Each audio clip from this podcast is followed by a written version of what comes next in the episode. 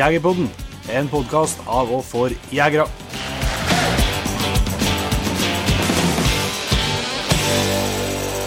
Hei. Det du nå skal få høre, er en eh, liten smakebit av uh, vår nyeste episode, og faktisk òg siste episode i sesongen her av Jegerpodden, før det blir jul og, og nytt år. Eh, vi har vært på Vega og tatt en prat med en kar som heter for Jon Arne Ludvigsen der, som er leder for Vegajakt. Eh, Vega er jo ei øy på Helgelandskysten som er jeg vil si, meget interessant for oss jegere. Kanskje spesielt vi som er glad i både rådyr og, og elg, men noe annet småvilt. Eh, det har i mange år vært en formidabel rådyrbestand der, og et forskningsprosjekt på elg òg, som er det største i, i Norge. Og, Jon Arne han vet en god del om dette, som leder av Vegajakt. I tillegg så har vi i hvert fall latt oss imponere av hvordan de både har organisert jakta og, og tilgjengeliggjør den for, for, oss som er, er ivrig.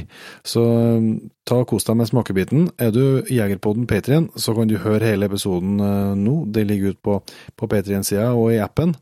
Um, hvis du ikke er Patrion og har lyst til å bli med i jaktlaget og høre episoden her og støtte jobben vi gjør og få litt uh, bli med i trekkinga litt fine premier og sånn, så er du hjertelig velkommen inn. Det ligger en lenke i beskrivelsen av episoden her, eller du finner på jegerpoden.no, hvordan du kan bli med der.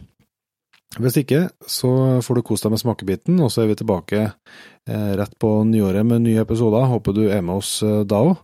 Så vil jeg bare ønske dere takk for at du har vært med så langt i sesongen her, og, og at du blir med oss og videre, og ei riktig god jul hvis vi ikke høres før den tid. Du var jo inne på at uh, stammen av rådyr i hvert fall har økt uh, ekstremt fort og ble for stor, og når dere ville ha hatt den ned, kan du si litt mer om både bakgrunnen for det, og, og hvilke utfordringer dere fikk, og hvordan dere har på nærma dere en, en mer normal situasjon, en sunnere stamme? Ja, altså det er jo at det ble for mye dyr, det var jo for at det ble jakta for lite. Ja. Så, eh, og det er også på grunn av at vi eh, hadde ikke så bra jaktsamarbeid som vi har i dag. Mm. Eh, hver enkelt grunnlag styrte litt mer for seg sjøl, og, og, de tok ut de dyrene de sjøl ønska skulle ut, og så tok de ikke hensyn til andre felt og sånne ting. Mm. Når vi da slo oss sammen og laga Vegajakt, så ble det jo mer samarbeid, og der vi så helhetlig på hele øya. da. Ja. Og det har jo gitt gode resultater. Men uh, vi var nok oppe i en Jeg tror vi var oppe i kanskje i hvert fall 7000 dyr her på Vega. Så uh, på topp, da. Ja. Og muligens mer. Mm. Uh, men da tok vi jo også Øka vi jo uttaket. Med tanke på den organiseringa vi har i dag, så klarte vi å selge ut nok kort mm.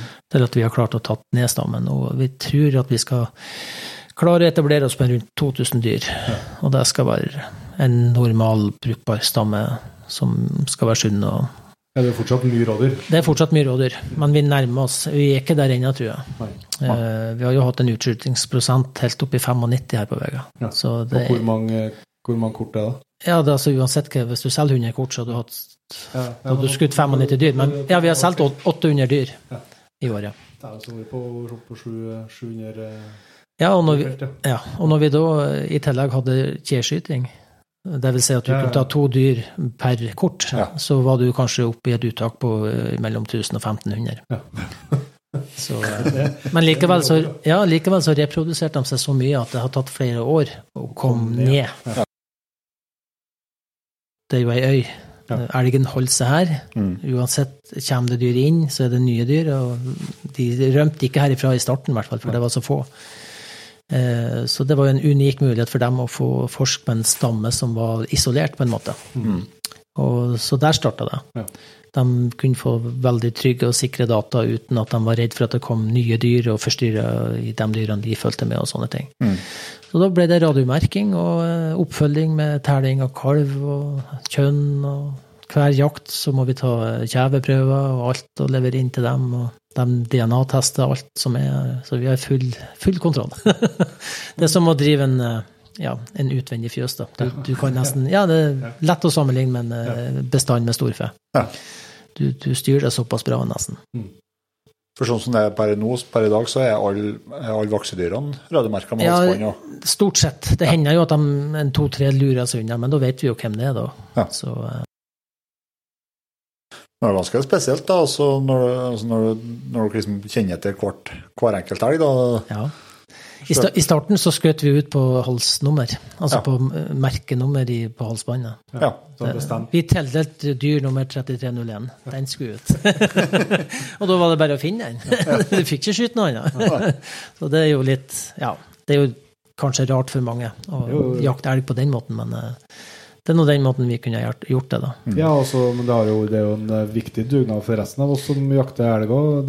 De dataene vil jeg tro Ja da. brukes til noe fornuftig. Også. Vi prøvde jo et år annet så Nina velte se hvordan eh, flokken reagerte på å ha bare ungokser i lammet. Ja. Så da skjøt vi ut alle storoksene. Ja. Ble tatt ut. Det er det dummeste året. Og... Nei, da var det jo veldig populært å være jeger. og eh, det ble jo senere kalving, sånn som vi forventa, men det er jo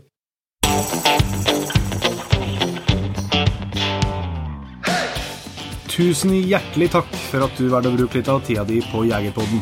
Sjekk ut jegerpodden.no eller eh, din favoritt-podkastspiller for enda mer innhold og flere episoder.